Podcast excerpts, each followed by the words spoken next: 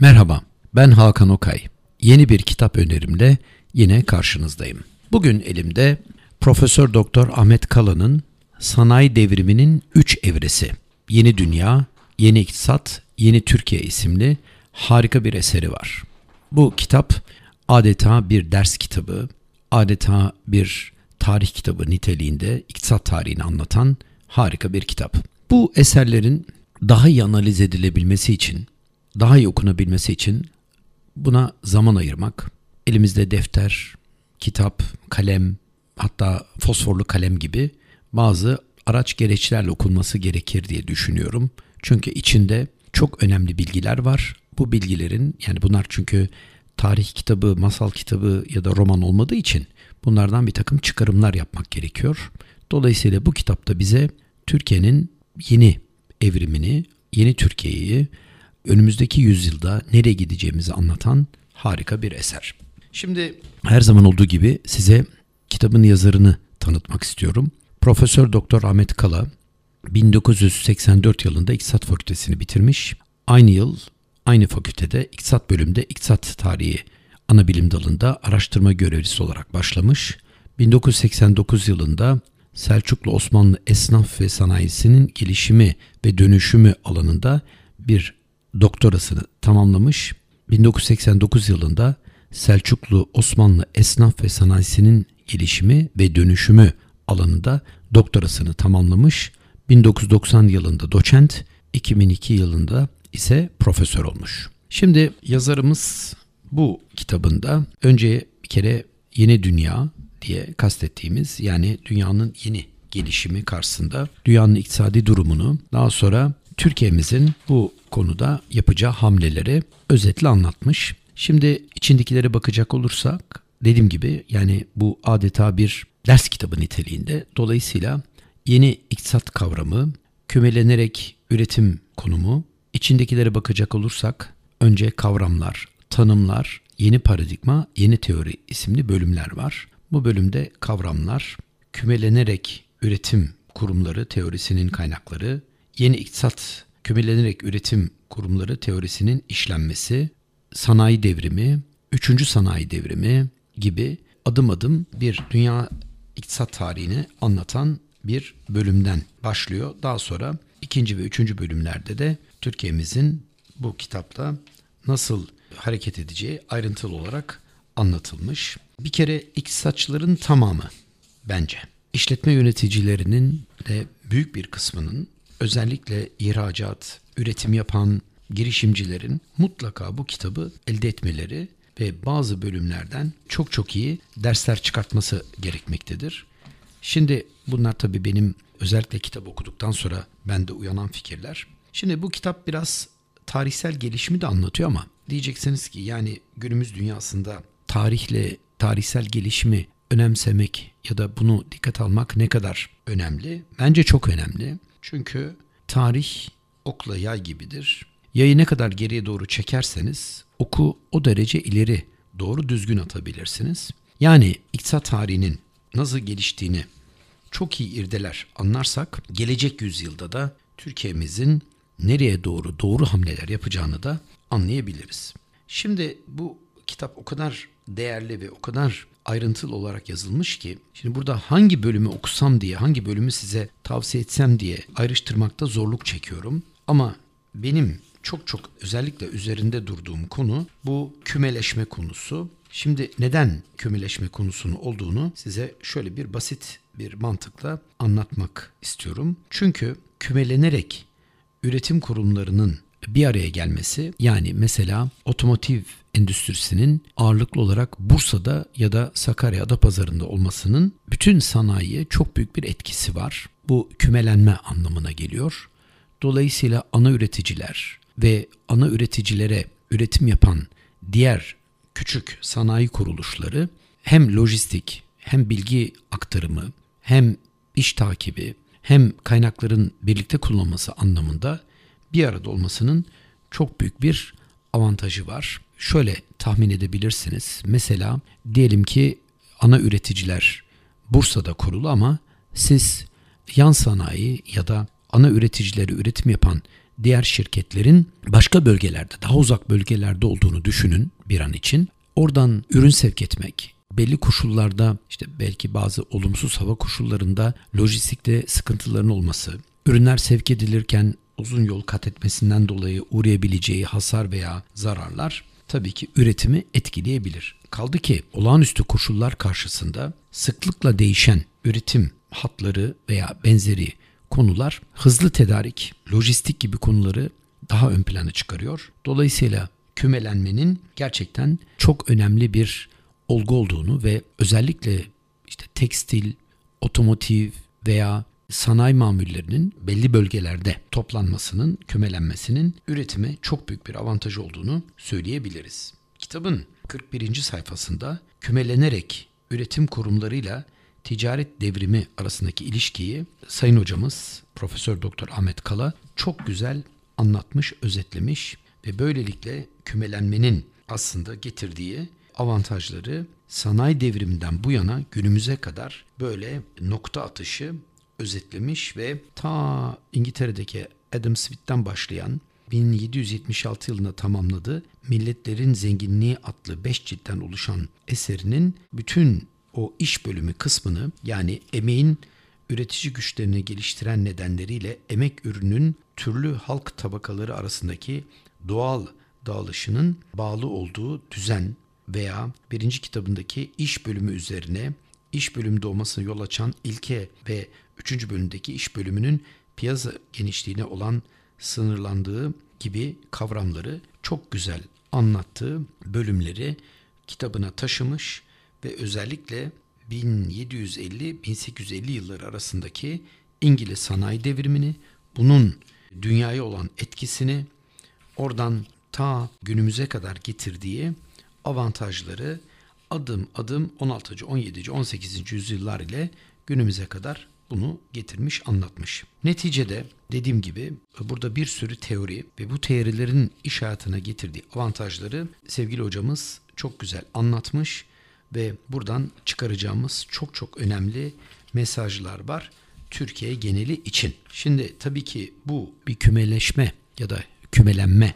olarak tanımladığımız üretici şirketlerin bir arada aynı bölgede bulunması ve bununla ilgili alanların tahsis edilmesi kuşkusuz kanun koyucunun, devletin, hükümetlerin alacağı kararlar olmakla birlikte işte oluşturulan organize sanayi bölgeleri ki artık bugün hemen hemen birçok şehrimizde mevcut. Dolayısıyla bunların daha efektif çalışması da aslında bu kitabın ana fikrini oluşturuyor. Ve bu iktisadi devrimin getirdiği avantajları nasıl daha avantajlı bir hale getirebiliriz ve nasıl daha faydalı üretim yapabiliriz?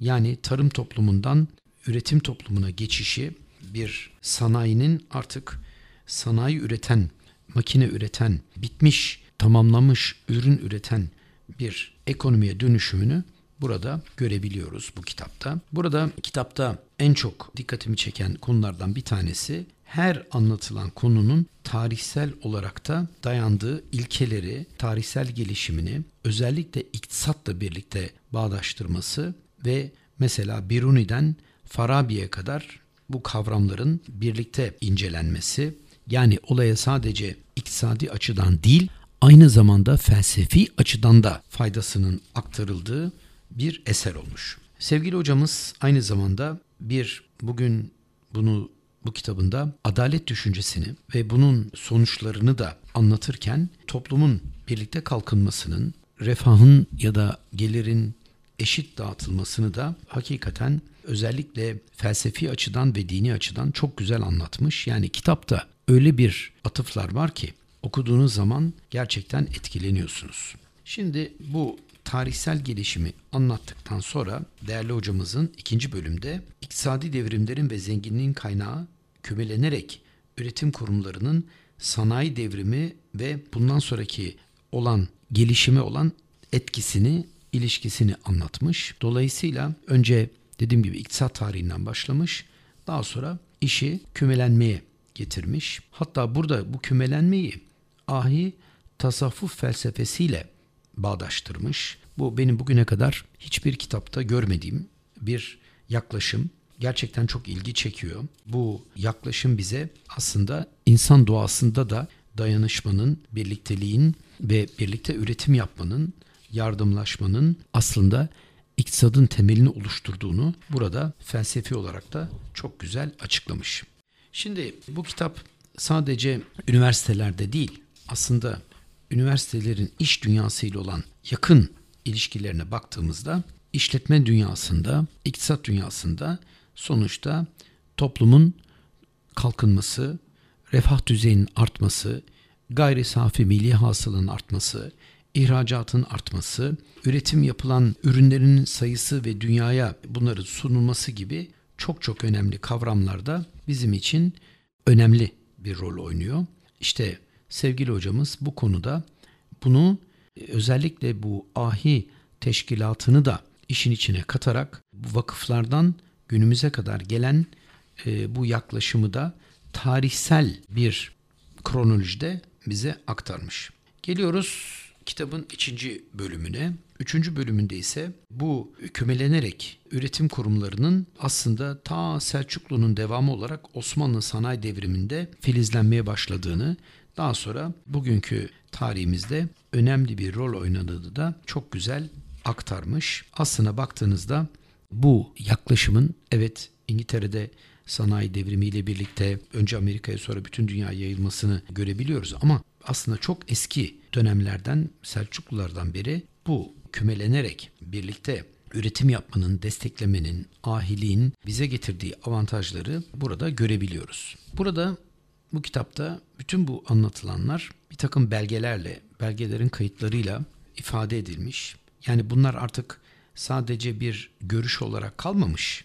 Beraberinde bunu ispatlayacak ve bunu da aslında bundan sonraki ekonomik devrimde nasıl daha faydalı hale getirebilirizin kilometre taşları çizilmiş durumda. Şimdi sonuç olarak baktığımızda 251. sayfada tüm başlıkları, bütün ifade edilen ilişkileri çeşitli başlıklar altında toplamış sayın hocamız ve baktığında Çin ve Rusya ilişkileri, pazar ekonomisine geçiş, bu pazar ekonomisine geçişte Kobi modelini ya da Kobi'nin kümelenme modelini Çin örneği üzerinden Hindistan, Güney Kore, Tayvan, Singapur, Endonezya ve Uzak Doğu ülkeleri gibi çok kısa zamanda serbest piyasa ekonomisini benimsemiş ülkelerle bunların nasıl kobileştiğini ve kobilerin nasıl kümelenme modelini tercih ettiğini çok detaylıca anlatmış. Böylelikle kümelenme modelinin sanayi devrimiyle üç farklı kümelenme modelinin sanayi devrimiyle ve evreleriyle olan ilişkisini anlatmış. Birincisinde esnaf sanayi birliği halinde KOBİ kümelenme modelini, ikincisinde fabrika kümelenmelerini ve sonuncusunda da ana sanayi olarak da yeni nesil KOBİ kümelenmelerini anlatmış. Yani gördüğümüz gibi yani ilk kümelenmeden daha sonra günümüz ekonomisini canlandıracak, üretimi, sanayiyi canlandıracak bu modeli bize ta tarihsel gelişiminden bahsetmiş. Aslında baktığınızda kendiliğinden gelişen bu kömürlenme modelinin çok daha sonra bilimsel olarak bir takım fikir insanların, yönetim bilimcilerinin bunları bir model haline getirmesini de bu kitapta çok güzel ispatlamış ve bize anlatmış. Yani sanayi kümelenmesi olarak anlatılan bu kavramın aslında Selçuklulardan beri geldiği, devam ettiği, ondan sonra da 1990 yılında Porter tarafından bunun sanayi kümelenmesi adı altında yeniden ele alındığı ve şu cümlelerle belki bütün kitabı daha net özetleyebiliriz. Porter'ın deyimiyle sanayi kümelenmesi Ahi Evran ve Osmanlı arşiv belgelerinde yer alan deyimiyle esnaf sanayi zümreleri yani birlikleri ve zümrelerden oluşan esnaf sanayi teşkilatı olarak tanımlanan kümelenmeyi şöyle ortak tarif edebiliriz. Sanayi kümelenmesi, esnaf sanayi zümresi işbirliği ve teşkilatı bir sektörel değer zinciri, value chain, zümre birlik oluşturulması, bunun yönteme dayalı, sistematik ve etkili bir şekilde yönetilmesinin faaliyetidir. Kümelenmenin oluşturduğu sisteme değer zinciri yani birlik teşkilat denmekte ve bu sistemin işleyişini mantıksal çerçevede analiz ederek stratejilerin gelişmesini ve idare edilmesine ise kümelenme yöntemi denilmektedir. Kavram olarak kümelenme belli bir sektörde ürün veya hizmetin üretilmesi konusunda doğrudan veya dolaylı olarak etkin olan veya ya da olma potansiyeli olan oyuncuların aynı yakın bir ortak coğrafyada yoğunlaşmaları, birbirleriyle işbirliği ve katma değer ekleyerek faaliyet göstermeleri ve rekabetçi ekonomik değer üretmeleridir. Şimdi baktığımızda aslında doğal olarak işletmeler Michael Porter'ın da ifade ettiği gibi değer zinciri yani birbirini tamamlayan halkalar bir arada olmalarının getirdiği ekonomik avantajlar, lojistik avantajlar, maliyet avantajları veya daha rekabetçi stratejiler üretme konusunda önemli bir etkendir. Şimdi bundan yıllar önce baktığımızda ülkemizde bu kadar çok organize sanayi bölgesi, kuruluşların bu derece birbirine yakın olmasını bu kadar teşvik edilmediği için insanlar, girişimciler çeşitli bölgelere fabrikalarını kurmuşlar.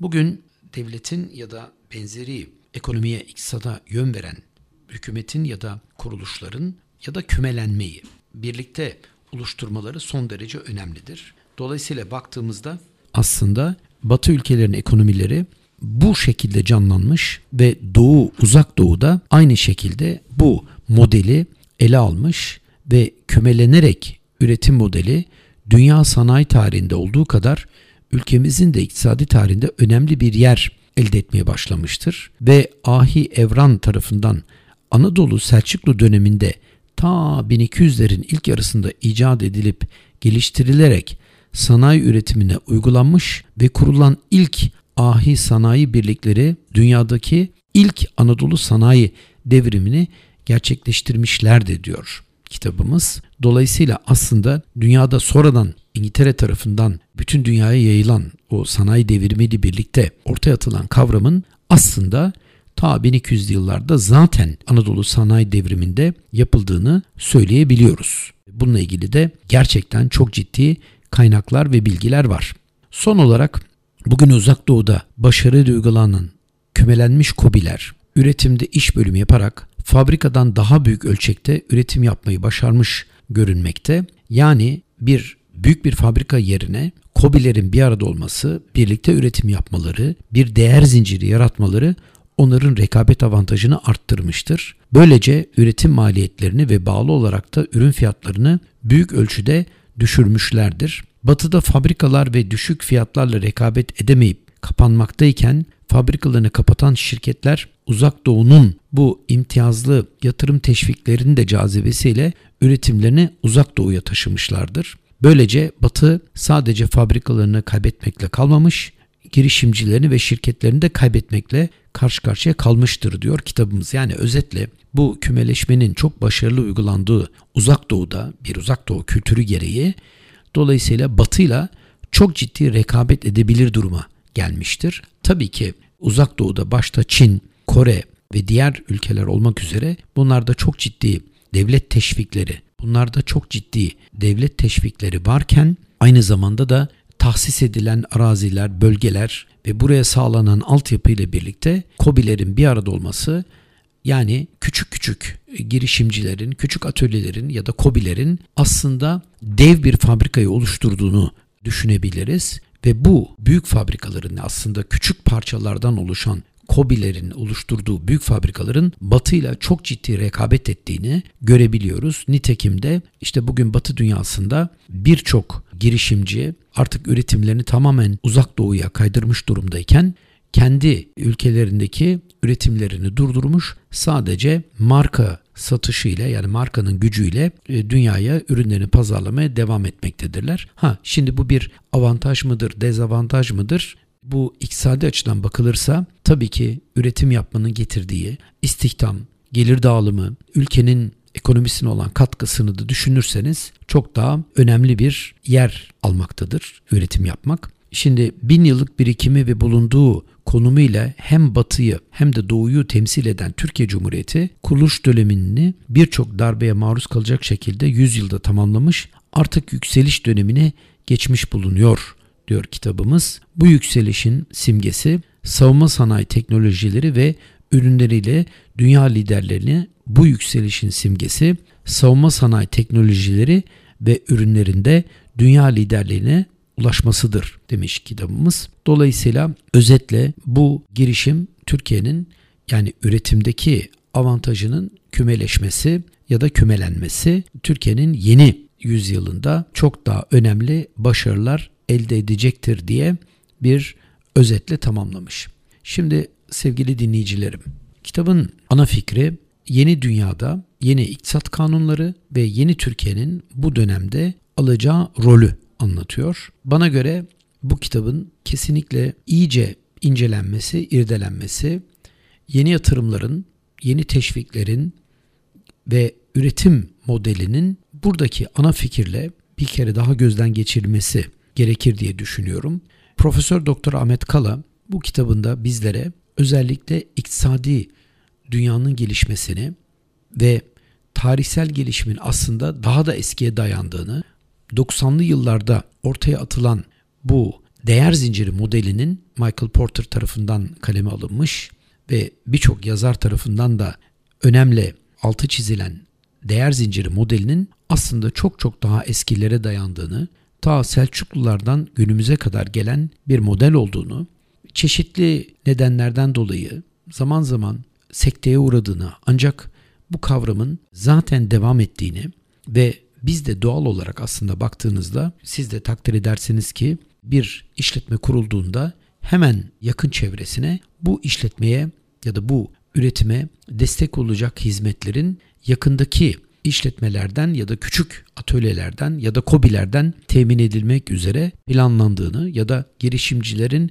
bu yolu tercih ettiğini görebiliyoruz. Özetle bu kümeleşmenin getirdiği dinamizm ve e, avantajlar yatsınamaz ve bunlar da mutlaka desteklenmesi gerekmektedir. Kitabımızda bu konuyu da derinlemesine incelemiş ve önümüzdeki yüzyılda Türkiye'nin yapacağı hamleleri bize hap gibi anlatmaya çalışmış. Bugün size Profesör Doktor Ahmet Kala'nın Sanayi Devriminin 3 evresi, Yeni Dünya, Yeni İktisat, Yeni Türkiye başlıklı kitabını özetlemeye çalıştım ve bu kitabı da başta girişimciler olmak üzere yöneticilere ve bundan sonra Türkiye'yi yönetmeye aday herkese şiddetle okumasını öneriyorum, tavsiye ediyorum. Mutlaka bu eser okunmalı. İçinden alacağımız gerçekten çok önemli mesajlar ve dersler var. Başka bir kitap önerisi programında buluşmak dileğiyle hoşçakalın.